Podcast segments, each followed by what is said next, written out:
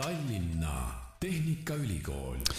tere sulle, hea kuulaja, eetris on kolmanda hooaja värske TalTechi podcasti episood. mina olen saatejuht Kristjan Hirmu ja täna olen siin Delfi taskustuudios koos kolme külalisega ja vaatame riburada pidi siis, kes täna külla on tulnud. kõigepealt on mul hea meel tervitada siin TalTechi puidu, plasti ja tekstiilitehnoloogia magistriprogrammi juhti, professor Jaan Keres, tere Jaan! tervist!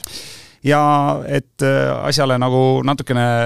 praktilist mõõdet ka juurde anda, siis Jaan on kaasa võtnud ka kaks tudengit, kes tegelikult tänaseks on juba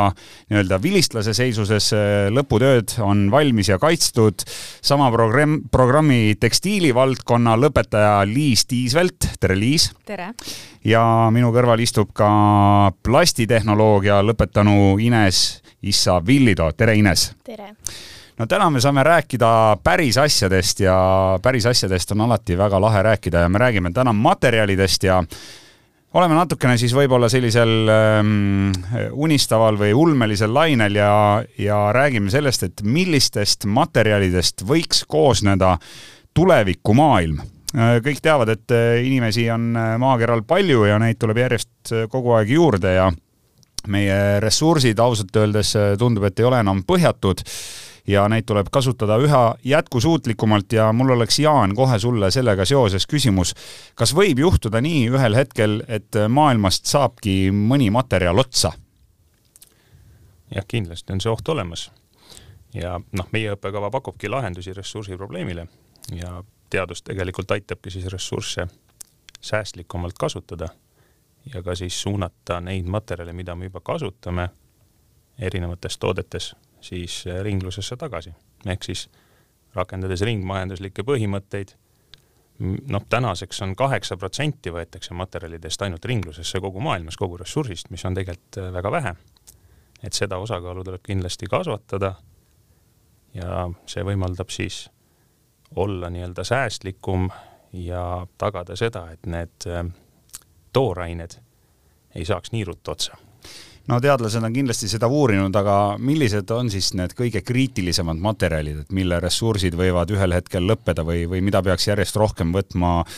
taaskasutusse, et oskad sa äkki ka mõnda nimetada? või, või on nii, et, et kõik puit, metall, plast, kõigega on meil kitsas käes varsti? noh, kindlasti meil on loodusvarad, meil on maavarad, meil on, Eestis on põlevkivi, Eestis on puit, Eestis on toit ja äh, kõige kriitilisem on kindlasti äh, tänaseks siis elektriautode akudes kasutatavad muldmetallid, väärismetallid, nende kaevandamine on ainult mõned riigid maailmas, kus on võimalik siis äh, kõiki neid haruldasi metalle saada. Ja seetõttu siis tulebki näiteks otsida lahendusi puidust, kus siis Soomes on juba välja töötatud Stora Enso poolt lahendus, kus siis on võimalik ka puidust valmistada siis akukomponente no tahaks kohe siin äh, värskete magistritöö kaitsjate käest küsida, et, et kas see on mingi nali, et, et kas tõesti saab elektriautole teha puidust aku Liis, Ines, olete kuulnud midagi sellest? Äh, ju, ju saab, kui, kui Jaan nii ütleb et minu äh, erialasuund oli rohkem tekstiil iseenesest, et äh,, et mina olen rohkem tekstiili ekspert. no aga väga hea, too siis äh, näiteks meile tekstiili kasutamisest mõni selline näide, mille peale võib-olla tavakuulaja ei tulegi, et, et me kõik saame aru, et, et tekstiilist on võimalik õmmelda riideid, aga kus tekstiili veel kasutatakse?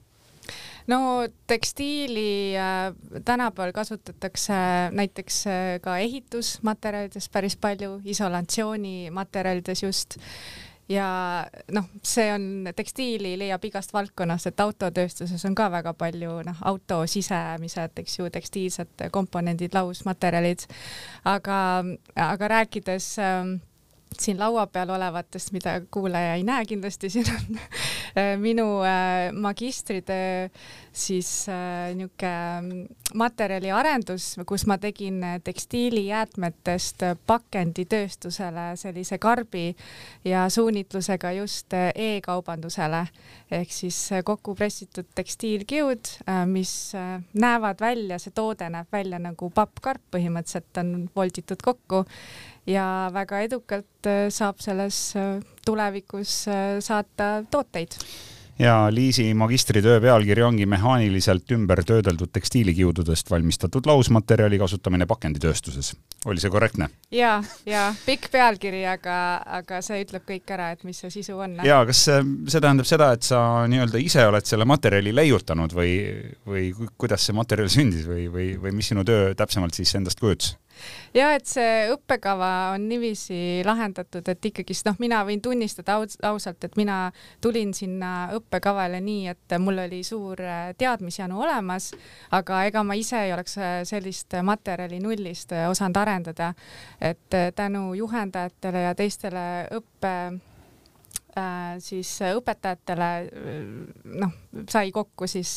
sobitatud teatud parameetrid ja, ja minu enda väljund oli küll see, et ma väga soovisin pakendit just teha, sest äh, mul on endal rõivabränd, ma olen disainer, kus ma täna saadan enda e-poe kaupu välja just sellises pappkarbis ja mõtlesin, et miks mitte muuta rõivatööstus ringmajanduslikuks juba täiesti enda isikliku äri äh, vaatest siis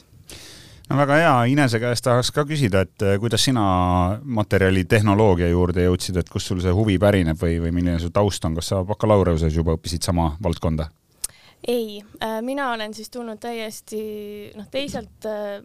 erialalt, sest ma tegelikult olen skulptor oma taustalt, olen kunsti õppinud ja seal noh, ma tegin just sellist nagu keskkonnakunsti ja kasutasin jäätmematerjale, aga üks hetk mulle tundus, et sellest ei piisa. et ma tahaksin tegelikult teha mingit suuremat muutust, ehk siis kasutada jäädet, et seda ümber töödelda mingiks uueks materjaliks, millest saab teha kunsti ehk siis ma läksin puhtalt selle ideega seda materjaliteadust õppima ja just siis äh, vabandust, plastitehnoloogia suunale. Ja seal siis, kuna ma tegin kunsti just äh, konidest sellel hetkel, kui ma sinna mm, läksin õppima, siis äh, kuidagi mul klikkiski ära, et oot-oot, aga nagu see noh, koni probleem on hästi suur ja see filtri osa on tehtud plastikust mis on tselluloosaatsetaat ja sellel ei ole sisuliselt lahendust, et kui anda sellele filtrile või sellele plastikjäätmele, mis on siis koni, anda sellele väärtus läbi ümbertöötlemise, et siis saaks selle probleemi tegelikult lahendada ja seda ma siis olengi nüüd teinud, et olen ümber töödelnud pla-, konijäätme uueks bioplastiks. ja Inese magistritöö täpne pealkiri Sigaretikoni filtri jäätmete ümbertöötlemine bioplastiks. jah,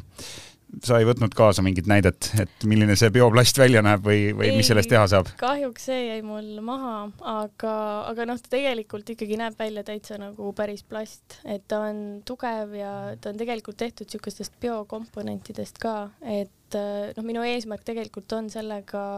minna ka turule ja kasvatada sellest välja siis oma startup, millega ma tegelen praegu, selle nimi on Filaret. ja, ja siis ma tahan, eesmärk on siis sellest teha 3D printimise materjal ehk filament, mis on materjalilõng, mis siis pannakse 3D printerisse, see sulatatakse ja ta teeb siis objekti kiht-kihi haaval. no professoril Jaan Kersil ilmselt rõõm kuulata, kui sellised ja. tudengid TalTechist väljuvad ja kuidas sa kommenteerid nii Liisi kui Inese magistritöö teemasid ja üldse nende probleemide käsitlemist ja lahendamist? eks see ongi tegelikult selles mõttes põnev, et see interdistsiplinaarne koostöö ja erinevate valdkondade vaheline siis sünergia viib tegelikult uute põnevate tulemusteni, et mida me oleme nii Liisi kui Inesega arutanud, et ähm, sünergiast äh, tulenebki siis see, et sa suudad sellele teadlaste poolt välja töötatud materjalile anda nagu vormi, kuju, disaini äh,, mõelda nii-öelda sihtgrupile, kellele see toode on suunatud. ja samal ajal pead sa hakkama ka mõtlema sellele, et kuidas sa seda nii-öelda toodad et mismoodi see tehnoloogiliselt võimalik on ja kõik need asjad omavahel kokku panna. ja, ja lõpuks sa siis oledki jõudnud nii kaugele, et sul on peas selge plaan, kuidas äh, teha oma toode, äh, luua oma firma ja seda siis äh, turundada ja, ja müüa räägime natukene sellest programmist ka, puidu, plasti ja tekstiilitehnoloogia magistriprogramm. no siin me näeme juba kahte väga head näidet sellest, et kuhu on siis tudengid välja jõudnud ja millised on magistritöö teemad, aga aga mida seal veel õpitakse või, või mida see programm endast kujutab, et milliseid õppeaineid seal võetakse ja, ja mida tudeng seal selles magistriprogrammis siis lähemalt tunda saab? eks ta ongi nüüd niimoodi äh, üles ehitatud, et on rahvusvaheline õppekava ja seal on siis äh, nii Eesti kui ka äh, välistudengid. Ja tegelikult juba nendest Eesti välistudengite koostööst sünnib palju sellist huvitavat, et meil on näiteks sellel aastal lõpetas üks arhitekt, kes on siis Egiptusest ja temal oli siis noh, igas, igas teemas, grupitöös, projektitöös, mis meil on üks kursuse osa, ehk siis projektipõhine õpe ka nii, nii mõndagi huvitavat välja pakkuda või, või ütleme, erinevat taustaga ja erineva siis äh,, erinevate eesmärkidega inimesed suudavad tegelikult äh, luua nagu selles äh, grupitöös ka lisandväärtust, ehk siis niisugune projektipõhine õpe, kus siis üliõpilased tegelevad äh, siis konkreetsete projektide raames materjali arendamisega, tehnoloogiliste probleemide lahendamisega ja ettevõtetega siis koostöös ka uute lahenduste väljatöötamise äh, arendamisega ja seda siis toetavad meil teoreetilised ained, mis on siis tekstiili, plasti ja puidu suunal, on siis ähm, vastavad tehnoloogiad, tekstiili- ja rõivatööstuse tehnoloogiad, äh, meil on 2D, 3D kindlasti väga oluline osa, kvaliteet, siis on plasti suuna peal kindlasti bioplastid, nende põhiolemus, kasutus. Eh, materjalide puhul on siis kindlasti eh, ringlussevõtt, energiakasutus puidu-plastijäätmete suuna peal, mis siis annab tegelikult sellised baasteadmised, millised tehnoloogiad olemas on, kuidas neid kasutada. ja puidu puhul on siis puidutehnoloogia, mööblitööstustehnoloogia, pehme mööblitehnoloogia. ja eesmärk on siis õpetada üliõpilastele ka seda, kuidas nad reaalses turuolukorras nagu hakkama saavad. Et kui neilt tellida üks mööblitoode, on see siis tumba või on see tugitool või on see terve kontorimööbel, nagu me näiteks sellel aastal tellisime, siis üliõpilased eh, lahendavad siis eh, vastavalt kasutaja vajadusest ja siis selle ruumi võimalustest eh, selle ruumi nii-öelda mööbleerimise. disainivad, projekteerivad ja kui nemad ei jõua valmistada, siis järgmine lend järgmisel aastal võtab siis eelmise grupi joonised ja teeb reaalselt need tooted ka kohapeal valmis. ja selle jaoks me siis kutsume ka tööstuse spetsialistid ähm, appi, kes siis õpetavad, kuidas toodet õiesti äh, pihustiga värvida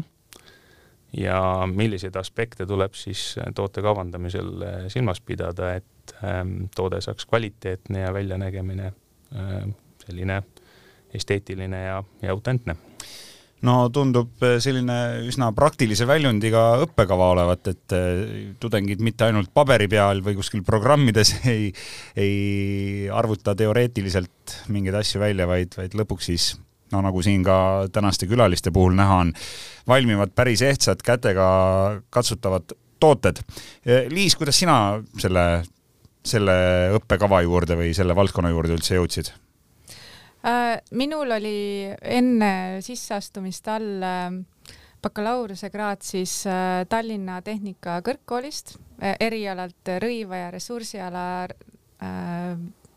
rõiva ja tekstiiliala ressursikorraldus, kõik nimed on nii pikad õppekavad ähm, ja, ja tegelikult väga tihti koolid ise nagu saadavad äh, lõpetanutele meile edasi, et äh, näidata neid valikuvõimalusi ja tegelikult äh, Tehnikakõrgkool saatis edasi, et see õppekava võiks olla ähm, noh, huvitav just nendele lõpetajatele ja, ja nii ma nagu kandideerisin ja, ja leidsin, et see võiks olla tõesti minule. aga äh, võib-olla siin võin nagu tuua kaugema nagu sellise äh, suhte ka, et, et äh, ma lõin enne õppekavale astumist enda rõivabrändi ja, ja juba ammu seda, noh, teades kõiki seda tekstiilimaailma probleemi, mis on hästi suur, et äh, lihtsalt, et äh, ei ole jäätmetele sellist väljundit või neid ei suudeta hästi kokku koguda või, või midagi noh, ümber töödelda ja, ja teha nagu uusi tooteid, et siis järjest rohkem hakkas mind huvitama. Ja, ja ma mäletan, et ma guugeldasin isegi, et mis, kus ma saan siis õppida selliseid tekstiilmaterjale nagu teaduspõhiselt just ja siis see õppekava nagu jäi silma ja, ja täna nagu ma olen hästi õnnelik, et äh, et ma just äh, oma magistritöö raames ka olen leidnud sellise väljundi, mis on päriselt äh, noh, see nagu siis ütlesid, käegakatsutav toode ja see on nagu põhimõtteliselt valmis, et nüüd on vaja suurtootmist taha ja siis lähebki. Kas sa selle, selle karbi, mis sa siin oled meile stuudiosse kaasa võtnud, kas sa selle tegid valmis kuskil Tehnikaülikooli laboris äh, või käisid kuskil mõnes ettevõttes seda tootmas või räägi lihtsalt paari sõnaga, et kuidas see protsess välja nägi, see on nii-öelda kõik nullist sinu enda kätetöö jaa, ei see karp on täielik äh, käsitöö, et äh, alguses mul olid lihtsalt äh, pundar kiude, tekstiilkiude käes ja, ja siis äh, hakkasin äh, neid äh, nii-öelda siis teise sideainega kokku äh, kraasima ja, ja põhimõtteliselt kõik need äh, tehnoloogiad on äh, Tehnikaülikoolis olemas, äh, et neil on hästi palju erinevaid laboreid, puidulaborid, plastilaborid, tekstiililaborid, seadmed on kõik olemas, et selliseid asju prototüübi levelil teha. Et, et see on käsitöö ja kõik ise tehtud ja, ja, ja, ja loomulikult see testimise asi ka, et, et noh, kui ma tahan pakenditööstusesse otsapidi jõuda, et siis on oluline testida materjali teatud omadusi, noh, et näiteks. et kui kuller äh, läheb läbi paduvihma, see karp käes, et siis kas see karp jääb et terveks ära, ja ta ära ei lagune ja, ja toode, toode sealt välja ei kuku? jaa, aga samu, samas võrreldes pappkarbiga, siis samuti ju papp noh, pundub vee käes, et ega see ei ole ka täiesti niiskusekindel. et äh, need parameetrid on väga sarnased pappkarbiga ja loomulikult äh, noh, pakendil on kõige olulisem, et toode oleks kaitstud sees ja, ja kui suruda sinna peale või mitu karpi on üksteise peale, et ta nagu lössivad ju. Ja need omadused on täna sellel olemas no nii Liis kui Ünes, te mõlemad tegelete ringmajanduse ja jäätmekäitlusega, kui seda nii võib nimetada, et äh, olete teiste kaastudengite tegemistega ka võib-olla nii, nii palju kursis, et et kas keegi tänapäeval veel üleüldse sellise päris olemasoleva materjaliga tegeleb, et, et sellest midagi muuta või kõik ongi ainult selline nii-öelda ümbertöötlemine, taaskasutus, roheline mõtlemine, jätkusuutlik edasiminek et kas keegi mingit päri-, nii-öelda päris materjali ka veel kasutas oma magistritöös? Mm, no seal magistritööde hulgas oli tegelikult väga lai ampluaa erinevatest äh, noh, materjalikäsitlustest, erinevatest teemadest, et osad on lihtsalt ka mingid äh, projektide põhised suuremad äh, noh, et ma ei tea, et, et kuidas, kuidas puidust mingit asja toota, näiteks seesama, et, et kuidas teha puidust elektriautole akut või, mm, või midagi taolist. ja no selle kohta ilmselt oskab Jaan rohkem kommenteerida, et mis seal äh, puidumagistris need tööd aga küsime, küsime siis Jaani käest, et äh, kas, kas võib märgata sellist tendentsi, et, et äh, kõik seesama eelpool nimetatu, kõik see ringmajandus ja jäätmete taaskasutamine ja, ja prügi ümbertöötlemine, et, et kas see on praegu nagu selline äh, Äh, suur tendents, mille suunas üldse kogu see maailm ja, ja tudengite tööd ja, ja teadus ka liigub? noh, kindlasti rohepöörde võtmes me peame seda arvestama, et ringmajandus on tegelikult ja äh, koos siis selle kaskaadkasutusega, kaskaadkasutuse põhimõtte rakendamisega. räägi, mis see on? Äh, inimene, kes ei ole ülikoolis käinud, ei tea, mis on kaskaadkasutus. noh, ütleme, ta ongi selline, et, et kas alustades siis tootest, et meil on saematerjal, sellest me saame teha näiteks liimpuitkilbi, liimpuitkilbist teeme mööbli. ja nüüd sellest samast mööblist, kui tema eluiga läbi saab, et siis ähm, noh, võime ta suunata korduvkasutusse, et keegi võtab sõbralt sõbrale poest selle mööblieseme kaasa, kasutab uuesti. et ühesõnaga see ring pikeneb ja materjal ei lähe veel kasutusest äh, välja. või siis peenestame selle mööbli nii-öelda laastuseks, teeme puitlasplaati, taaskasutatud materjalist, katame pealt uue ilusa puiduspooniga ja saame jälle mööblit toota. või siis teeme kiudmaterjali, näiteks tuuletekke plaadimajale, äh, anname siis äh, nii-öelda ehitusmaterjalile sobivad omadused ja noh, kõige lõpuks siis oleks selles elutsüklis siis energiakasutus või siis biolagunemine. ehk siis selle materjali elutsükli võimalikult nagu keskkonnasäästlik äh, juhtimine ja kavandamine juba siis algusest peale, et et see materjal läbib nii-öelda erinevaid tootetsükleid protsessi jooksul. aga kui, kui hästi või halvasti Eestis üldse, noh, kui me võtame siin oma koduturu nende materjalide taaskasutamise või ümbertöötlemisega on, et siin on ju igasuguseid lugusid kuulda, kuidas inimesed usinasti sorteerivad prügi, panevad eraldi papi ja paberi ja ma ei tea, pakendid ja biojäätmed ja, ja plastiku ja klaasi ja ja siis lõpuks ta läheb ikka kõik kuhugi ühte ahju. Kindlasti töötatakse nüüd välja eh, noh, seoses sellega, et toormehinnad on kõrged ja järjest kõigil ehm, tootjatel on täna tegelikult tõhine probleem, et kuidas maandada siis toorme kättesaadavusega ja toorme hindade pideva tõusuga mm, riske, et ehm, ja plast on kindlasti üks selline materjal, mida on võimalik hästi ringlusesse võtta, ümber töödelda, taaskasutada, aga keeruliseks teeb selles olukorras asja see, et kõik need pakendid ja, ja, ja plasttooted tegelikult koosnevad paljudest komponentidest, seal on siis kokku lamineeritud mitmeid erinevaid kilesid. Ja kuidas neid nagu uuesti koost lahti võtta, eraldada, eh, on nagu raske. ja noh, kui me Eestis võtame, siis Eestis on kindlasti üle võetud kõik need eh, tootja vastutusega seotud nagu põhimõtted, ehk siis vanad rehvid kogutakse kokku, suunatakse ümbertöötlemisse, eh, romusõidukid, elektrielektroonikajäätmed ja pakendijäätmed, et meil on eraldi pandipakend ja siis on eraldi pakendijäätmed, mida siis me kõik eh, kodus kenasti sorteerime ja mis siis jõuavad jäätmejaama, kus nad, kus nad siis materjalide põhiselt välja sorteeritakse ja, ja jagatakse ja noh, võib-olla raskemad teemad ongi, mida teha klaasiga. et noh, klaaspudeleid, klaastaarat saaks tegelikult ju korduskasutada kenasti. aga siin tuleb nüüd jälle mängu jälle veekäitlus nii et selles mõttes ähm, sellega tegeletakse, aga ütleme, et kõige keerulisemad äh, teemad ongi need, millega noh, Liis on tegelenud, on siis tekstiilijäätmed. Ehk siis kiudu purustada, peenestada äh,, segada uuesti siseainega, toota komposiiti või siis ka see teema, äh, millega Ines on tegelenud, sest ma arvan, et suitsukonidele täna tegelikult väga sellist jätkusuutlikku lahendust ju ei olnud Ines, kuidas neid suitsukonisid kokku koguda või, või kus sa saad seda toor, toorainet, et kas äh, selleks tuleks mingid eraldi konikonteinerid tänavatele panna,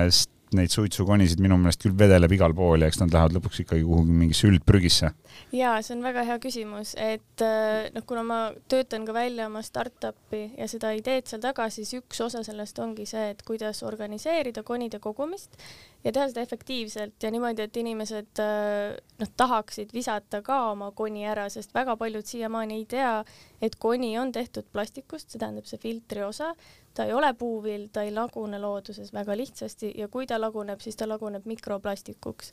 et või mikro, mikroplastiks, mis on ka siis juba toksiline jääde, kuna peale suitsetamist sinna jäävad toksiinid kinni ja see mürgitab tohututes kogustes äh, loodust ja lisaks ka noh, ütleme näiteks, et Eestis on ainuüksi siis äh, kolmsada nelikümmend pluss tonni konijäädet ühes aastas. No see on, on päris suur hunnik. jaa, et see on võrdeline kuskil üle saja rekkatäiega ühes aastas mm., et see on tegelikult väga suur arv ja inimesed ei saa aru, kui suur probleem see tegelikult on. aga kui sa nüüd oma magistritöö käigus seda sigaretifiltrit või seda konifiltrit ümber töötasid, siis kui raske või lihtne sul neid konisid hankida oli? kusjuures tegelikult ei olnud, sest mul on, mul seisab äh, maal suur äh, konteineritäis konisid juba praegu, sest et äh, kui inimesed mäletavad, siis paar aastat tagasi oli suur koni kogumine maailma koristuspäeva raames. Ja mina siis sain need konid endale pärast, et kuna ma tegin kunsti nendest, siis noh, mulle anti neid ja, ja nüüd ma siis kasutan neid ülejäänud konisid ka oma töös no see kõik äh, kõlab väga põnevalt ja loodame, Ines, et sinu startupil saab olema suur tulevik ja sa kaasad kõvasti investorite raha ja, ja sinust saab järgmine Eesti ükssarvik, et kõik, no, kõik eeldused on selleks olemas, kui nüüd äh, lihtsalt meid ei taba see trend, et suitsetamine maailmas järjest väheneb ja, ja, ja konisid ei ole ühel päeval, aga no iseenesest see on positiivne et aga siis sa leiad mõne muu, mõne muu tooraine, mida ümber töödelda? et seda toorainet, mida ümber töödelda, on väga palju väga erinevatest valdkondadest, ongi tekstiil, kus on ka tegelikult plast sees ja, ja noh, muud plastobjektid ja materjalid, et äh, Liis, kuidas sinul äh, tekstiilijäätmeid vist oli lihtsam hankida kui, kui konisid, et neid ei pidanud mingi kampaania käigus kuskil korjama ja ei konteineris hoidma? tänaval jah, korjama neid aga kus, kust, kust sinu tooraine pärines? Põhiliselt? no tooraine, eks ju, on igal pool meie ümber, aga kahjuks ähm, siin kohalikul turul ei ole väga palju arenenud selline tekstiilide ümbertöötlemine või purustamine või kiustamine. see on kusjuures äh, tõsine probleem, sellepärast et äh, ma võtan kasvõi oma kodusest majapidamisest, noh, mina olen väga usin prügisorteerija ja mul on kodus isegi väike selline miniatuurne prügisorteerimisjaam, kus ma siis panen kõiki asju eraldi ja ja topin neid mingitesse õigetesse konteineritesse, aga aga üks asi, mille puhul mul alati tekib nagu väike selline kahtlus või, või, või ma ei suuda nagu valida seda õiget õiget kohta ongi just nimelt äh, tekstiilijäätmed, noh, a la sellised riided, mida sa enam ei, ei vii ka uuele ringile, jah, katkised sokid no., lõhkised teksad, ähm, jah, mingid äh, määrdunud äh, rõivad, et mida, mida tõesti enam kuhugi taaskasutusse ka ei anna, et et kuhu inimene siis peaks need viima või, või mis nende tekstiilijäätmetega teha üldse? no tegelikult paljud omavalitsused on üles seadnud sellised tekstiili konteinerid, kuhu saab panna aga siin on ka nagu erinevad arvamused, et äh, nii palju, kui mina tean, siis ikkagist katkiseid, musti, mis iganes räbalaid asju sinna ei, ei tohiks panna, sest puudub võimalus, et mis siis riik nendega teeb, eks ju, kogume kokku, ega mis siis, et kallis on saata Aasiasse ka, kus on väga, eks ju, ümbertöötlemine kõrgelt arenenud ja, ja siis täna lihtsalt lähevad niisugused tekstiilsed jäätmed olmeprügisse, et äh, isegi noh, uuskasutuskeskus või noh, need äh, siis organisatsioonid, kes täna äh, tegelevad noh, second-hand riietega, et ka seal on statistika olemas, et, et ainult üks kolmandik tegelikult nad suudavad edasi müüa, need on okeid riided ehk siis seitsekümmend viis protsenti või noh, kuuskümmend protsenti on noh, kasutuskõlbmatu aga, aga Soomes avati eelmise aasta lõpus äh, sellise, selline suurem industriaalne ümbertöötlemis niisugune tehas äh,, kust, äh, kust saab juba purustatud kiude osta, et Soome on üldiselt väga arenenud enda sellise tekstiilijäätmete kogumise teemal. et ma loodan, et Eesti jõuab ka varsti järgi et kui ei jõua, siis ma enda tootega võib-olla saan utsitada, et, et peame jõudma järgi. sa pead ise mingid konteinerid kuhugi üles panema, kuhu inimesed oma katkised sokid saavad tuua ja,. jah, jah, et noh, on paar firmat, kes, kes saavad ümber töödelda Eestis, aga äh, siin noh siis peab vaatama seda kvaliteeti, sest ongi, et see ei ole ainult purustamine, vaid siis, et kui pikk see kiud on, mis sa sellega teha saad, mis on toote oodatavad omadused, kuidas see sinna integreerub, et seal on nagu hästi palju nüansse, et igal juhul äh, probleem on olemas ja loomulikult noh, Euroopa seadused tulevad ka järgi nii palju, et äh, äh, kaks tuhat kakskümmend viis tegelikult Euroopa riigid peaks kõik koguma eraldi liigiti tekstiilijäätmeid ja siis loomulikult ka leidma mingisuguse väljundi, et mis siis nendega teha. Et, et see on tulemas ja eks, eks näis, kuidas sellega läheb. olles äh, valdkonnas täielik võhik, ma viskan lihtsalt ühe mõtte õhku, et kui meil täna näiteks elektroonikakauplused minu meelest töötavad nii, et kui sa ostad sealt uue seadme, sa võid vana sinna tagasi viia et kas mm -hmm. riidepoodides võiks see asi kuidagi samamoodi välja näha, et, et sa lähed, ostad endale uue T-särgi ja sa võid vanad sokid selle asemel sinna poodi tagasi viia? jaa, mina ütlen võiks, mul on endal rõivabränd ja tooge palun tagasi, sellepärast et, et see võimaldab seda, et need rõivad ikkagist koonduvad ühte kokku, noh, brändi kätte või kaubanduse ettevõtte kätte ja neid saab hõlpsasti kokku korjata, aga kui need on miljoni, miljardi inimese käes kodudes, kappides, no siis on väga raske seda kokku kokkukogumist nagu korraldada. Eh, Jaan, sinu käest tahaks küsida, et eh, ja oleme veel selle ümbertöötlemise ja taaskasutuse lainel. Eh, minu sünnikohas Räpinas on Eesti minu teada vaim paberivabrik ja ma mäletan, olin väike poiss juba nõukogude ajal, seal tehti vanapaberist siis uuesti mingit materjali, noh, ilmselt oli see mingi papp või, või pakkepaber. kas Eestis on veel selliseid materjalide ümbertöötlemise ettevõtteid, et ma ei tea, kas või juhul, et kui me ühel päeval kuskilt enam midagi sisse tuua ei saa, siis me saame hakata kas või ise käitlema ja ümber töötlema materjale ja meil on ikkagi mingid põhilised materjalid olemas mm. -hmm. no kindlasti puidutööstuses eh, tervikuna käib tegelikult noh, ütleme, jagame neid materjale selliselt, et siis on tootmisjäägid, et tootmisjäägid puidutööstuses on täna leidnud siis ka lahenduse erinevates rakendustes, et noh, kõige lihtsam on energiakasutus ehk siis eh, puidu, puukoorest saame energiat, kuivatame puitu. siis eh, ja, ja sellega siis omaenda biokütusega saab siis eh, käigus hoida tootmiseks vajalikku siis katlamaja, mis siis annab energiat. ja saepurust näiteks siis saab valmistada graanuleid, mis on siis väärend-, väärindatud kütus või siis puitlasplaati, et ütleme, et puidutööstuses on tegelikult see jäätmete kasutamine ja jäätmete nagu äh, töötlemine kõrvaltoodeteks nagu juba pikaajaline traditsioon ja samamoodi tegelikult suunab plastitööstus ka äh, puhtaid äh, plaste teatud protsendiga madalamate kvaliteedinõuetega toodetesse tagasi. aga nüüd, mis on äh, tarbimisjärgselt äh, jäätmed ja kasutuselt kõrvaldatud, no kindlasti on Eestis metallikäitlus, Äh, noh, ütleme kogumine, käitlemiseks saadame ikkagi need metallid mujale, aga plasttoodete osas on olemas ähm, ettevõtted, kes siis nii Hiiumaal kui ka siin Tallinnas, kes siis tegelikult ähm, koguvad plastijäätme kokku, sorteerivad äh, ja siis sulatavad ja teevad tast uuesti plastigraanuli. ja sellest plastigraanulist, taaskasutatud plastigraanulist saab siis valmistada uuesti plasttooteid sellised ettevõtted on meil kindlasti olemas. ja nüüd me tegelikult arendame ka uusi nii-öelda puidukeemia äh, suunavaldkonda, kus on siis Fibenol loomas nii puidusuhkrutest kui ka siis ligniinist uusi tooteid. Ja puidutööstus puudutab see siis selle koha pealt, et äh, puidutööstus kasutab palju liime. ehk siis kõik liimpuitalad, postid, seinapaneelid, vineer, ka puitlasplaat vajab liimi. Nüüd selles liimis siis proovitaksegi asendada äh, fenooli äh, ligniiniga, et see on nagu üks kindel selline suund, kus siis mm,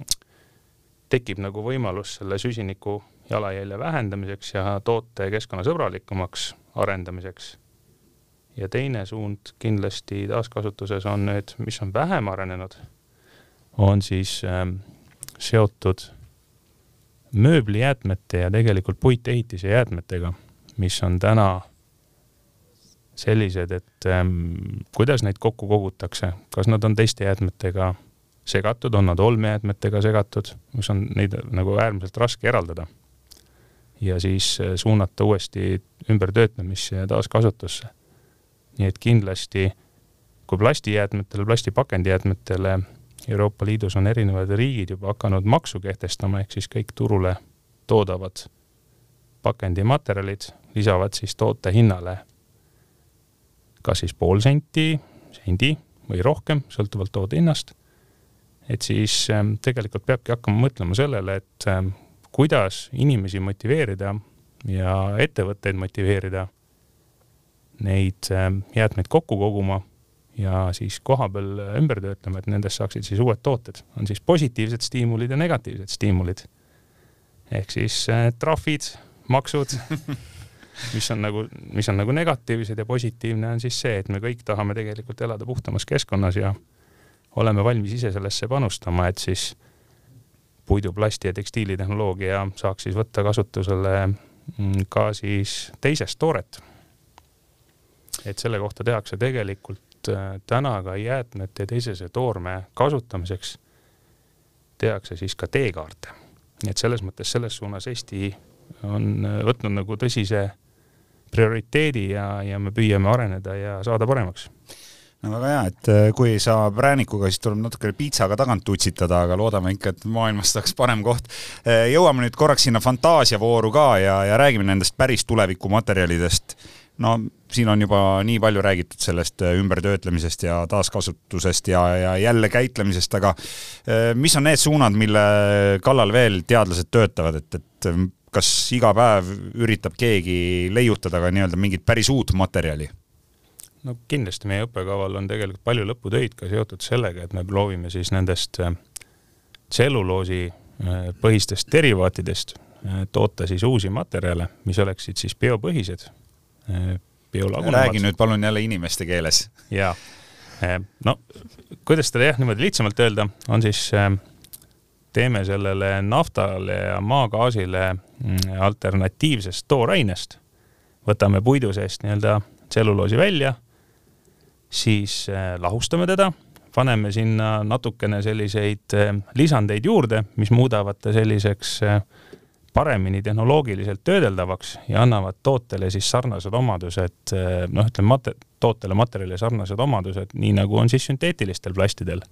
ja seejärel proovime sellest siis vormida biopõhise toote ja nüüd katsetame mõlema omadusi ja vaatame, kui lähedale me sellele sünteetilisest maagaasist või naftast tehtud tootele omadustelt jõuame, kas me saame päris sama head omadused või me saame sellised optimaalsed omadused, mis on kasutajale ka igati aktsepteeritavad ja inimesed tegelikult selle jaoks, et tulevikumaailm oleks puhtam, peaksid siis ähm, rohkem harjuma sellega, et ähm, toiduainete tööstuses on kindlasti pakendeid vähem, et Eesti ettevõtted on siin andnud ka tubli panuse, et äh, pakend kaalub vähem, pakendit peaks olema koguseliselt vähem aga samal ajal, nagu Liis välja tõi, on e-kaubandus, mis tegelikult, kus pakendi hulk järjest kasvab ja tegelikult see on olnud ka puidu ja paberi-papitööstusele nagu suur ähm, võimalus, et äh, töötada välja uusi kergemaid, põnevamaid pakendeid. minu jaoks oli huvitav kogemus see, et ma võtsin arvutikuvari välja siis kartongpakendis, kus ei olnud ühtegi mm, polüstüreeni vahtpolüstereeni tükki sees, et kõik see oli kokku volditud siis lainepapist. ahah, nii et äh, nii-öelda seda seda sellist täitematerjali, mida kasutatakse muidu, mis on äh, mingist äh, nii-öelda sünteetilisest materjalist, selles pakendis ei olnud, jah? jah. ja noh, täitematerjalina saab kasutada ka maisi, eks ole, et maisist teha selliseid helbeid, mis siis annavad ja, ja, ja üks startup firma tegi tegelikult Eestis, arendab välja Raiku nimelist toodet, kus nad siis teevad puidust spoonist vedrusid mis siis peaksid mullikilet asendama ja neid vedrusid saab ka omavahel kokku panna. ja meil on, ja meil on ka ju lambavilla ümbrikud, eks ju? ja, jah, nii et, et neid, neid alternatiive just siis nii-öelda kuskil, kuskil ka metsas, põllul või, või aasal kasvavaid äh, elus ja ütleme siis loomseid ja taimseid produkte tulevikus äh, materjalitehnoloogias ära kasutada. Äh, Liis, mis sa arvad, äh, kui nüüd fantaseerida, et, et millised need tulevikumaterjalid on, et kas kõik on taaskasutus või tuleb mõni äge mingi supermaterjal, mis on täitsa nii-öelda from the scratch välja mõeldud teadlastel? selline materjal, mis sulab ära seljas, kui ah, ta ära sulab... näiteks. ei, ma arvan, see ringmajandus on ikka tulevikus hästi põimitud sisse juba täitsa tootja tasandil et täna hästi palju klient kuidagi määrab või, või ettevõte, et missugust materjali ta tahab kasutada, kui me räägime just tekstiilist, aga, aga võib-olla need vahekorrad vahetuvad. aga noh, tekstiilimaailmas on äh, muidugi targad tekstiilid on, on väga teema juba täna, kuigi need ei ole laialdaselt kasutusel, sellepärast et äh, noh, need on kallid, targad tekstiilid, tekstiilsed tooted, noh näiteks, et vajutad nuppu taskus ja siis su jope hakkab kuumaks minema ja siis hoiab sind soojas ähm,. aga muidu tekstiilialal ähm, noh, igasugu puidukiud äh, ja puidust tehtud äh, kangad on ju ka väga populaarsed. et, et äh, sama, sama asi, et, et fliis, fliis, need kangad ei ole mitte enam naftast ja maagaasist toodetud, aga on hoopis puidust valmistatud piltlikult öeldes. näiteks, sest tehnoloogiaid ju ka arendatakse, et siin ongi, et, et üks asi on materjal, aga hästi palju on vaja valdkondade üleseid koostöid, et minul täna ei pruugi olla äh, sellist teadmist, et äh, kuidas sellist pakendit või noh, karpi, mis siin laua peal on, et äh, kuidas seda kõige efektiivsemalt toota, äkki on mingisugused väga huvitavad tehnoloogiad, et, et, et seda mina ei tea. et ma arvan, et tulevikus saab näha rohkem valdkonnaüleseid koostöid Ines, kas äh, sina arvad, et tulevikus on kõik 3D prinditud ja, ja printeris jookseb see sinu välja mõeldud niit kindlasti 3D printimise osakaal tõuseb väga kiirelt, et see noh, tõenäoliselt hakkab tulevikus asendama ka võib-olla mõni, mõnda muud äh, plastiku tootmise meetodit. Aga siin rääkides plastidest samal teemal, siis äh, tegelikult noh, mis tegelikult maailmas toimub praegu, ongi see, et me lähme nagu ajast natukene tagasi oma printsiipidelt, äh, kuna enne näiteks, kui plast tuli üldse kuskil seal Teise maailmasõja ajal, et siis tegelikult oli materjali kasutus niimoodi, et noh, oli hästi palju taaskasutust, et olid klaaspudelid, mis läksid tagasi ringlusesse, neid pesti läbi ja noh, kõik selline äh, noh, korralik taaskasutus oli olemas, aga tööstused hakkasid siis juurutama inimestele tegelikult seda tarbijakultuuri, kuna plast iseenesest näiteks on mõeldud selleks, et äh, ta jääkski igaveseks. Et noh, kui me räägime plastist, mis on siis naftapõhine ja suur osa plastidest on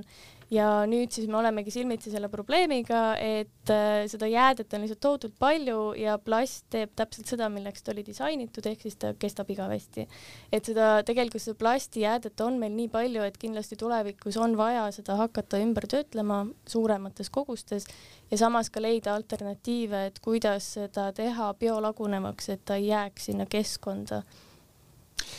ma no, võin äkki lisada ka, et lisa, lisa. ja et ma arvan, et selle ümbertöötluse kõrval saab tulevikus äh, olema suur rõhk ka just äh, materjalide, toodete parandamisel ja, ja just, et äh, kuidas või võib-olla need kvaliteedisuhted ka muutuvad, et täna sellesama karbiga ma olen näiteks teinud paindejaikuse testi, kus tegelikult viiekümne kilone raskus surub selle karbi täiesti lössi, aga nagu näha, seda ei ole näha siin karbi peal, et oleks nagu noh, pappkarbil jääksid sellised sooned sisse, et see on jälle selline huvitav materjali omadus, et, et tegelikult noh, kui inimene on saanud oma e-poe toote kätte, et siis see papp, siis see karp ju ei ole nagu enda eluea lõpetanud, et saab veel kasutada, et võib-olla niisuguseid süsteeme näeme ka rohkem tulevikus, et kuidas kokku koguda ja jälle sama asja kasutada. Ja, või siis tehagi just nagu vastupidavamaks, et nagu näiteks on see plastist kilekoti näide, et tegelikult algselt, kui ta loodi, oligi mõeldud, et ta kestab kauem ja ta on äh, just ja nad kestsidki kusjuures. ja just, just, aga siis noh, tuligi see tarbijakultuuri juurutamine, et äh, su noh, nüüd on see plastkilekott lihtsalt kümme sekundit kasutad ja kõik ja nüüd on meil paberkott, mis ja. on ka Eestis toodetud tegelikult, poodides saame osta, eks ole ja,. jah, jah. Eh, kõike seda on sul võimalik endal ka õppida, kui sa astud TalTechi puiduplasti ja tekstiilitehnoloogia magistriprogrammi õppima ja nagu juba öeldud sai, siis tegemist on rahvusvahelise õppekavaga, mis tähendab veel seda, et lisaks kõikidele nendele üüratutele teadmistele ja võimalusele ise oma õpitut praktikas rakendada, saab ka väga palju väga häid rahvusvahelisi kontakte ja see on siis juba nii-öelda võti tulevikku ja ja võib siin igasuguseid teid sillutada. Jah, nii on, inglisekeelne õppekava siiamaani olnud, et äh, ja minu arust on väga-väga-väga huvitav õppekava ja tõesti nagu, et seal noh, minu jaoks oli ka seal just niisugust ringmajanduse ja ka ettevõtlust oli sees, et äh, kõiki neid teemasid kombineerides saad ikkagi nagu väga hea baasi alla et tegelikult ka ise midagi ette võtta ja materjalidega edasi tegeleda. Liis, kuidas plaan on nüüd, kas äh, oma business või edasi doktoriõppesse? Ai, terav küsimus ja vastuse variante on kaks, eks ju? jaa, ei mitmeid, mitmeid. Äh, tegelikult äh, noh, nagu Ines siin mainis, et tema on enda magistritöö põhjal juba teinud startup'i, siis ei saa siin salata, ka mina olen juba teinud enda startup'i sellesama tekstiilijäätmest äh, pakendi teemal, et me mõlemad Inesega võtsime osa Prototronist, mis on siis ka selline kiirend programm Äh, ja, ja mõlemad olime äh, võitjad erinevates voorudes. Ja, ja tegelikult äh, noh, jälle see startup'i maailm ka näitab, kuidas selliste toodete järgi on väga suur nõudlus, et noh, me teame seda IT-sektorit ja et seal on hästi äh, nagu investorid valmis kohe noh, silmapilkselt, eks ju, investeerima, et nüüd hakkab, äh, mulle tundub endale jõudma järgi ka selline füüsiliste toodete maailm. nüüd me hakkame nagu päris probleeme lahendama. no täpselt aga suur tänu, teiega oli täna väga põnev vestelda ja Jaan Kers, kas soovid veel midagi tänase podcasti kuulajale või ka äkki potentsiaalsele õppekavale sisseastujale südamele panna, et et äh, mida, mida arvestada, kui keegi tahab tulla ja selle toreda seltskonnaga liituda? jah, et äh, kindlasti ootame kõiki, kes on äh, huvitatud siis puidust, plastist, tekstiilist, et kindlasti on inimesi, kes soovivad omandada teist kõrgharidust. Ja meie tegelikult ei sea sisseastujatele selles mõttes piiranguid, et tähtis on, et inimene oleks motiveeritud, ta teab täpselt, mida ta tahab, nii nagu Liis ja Ines on näidanud, et, et siis jõuad ka kenasti nende kahe aastaga põneva nii-öelda tooteni ja, ja lahenduseni. Ja et sisse astuda saab siis kuni kuuenda juulini kella kaheteistkümneni. Inglise keeles tuleb siis motivatsiooni essee kirjutada.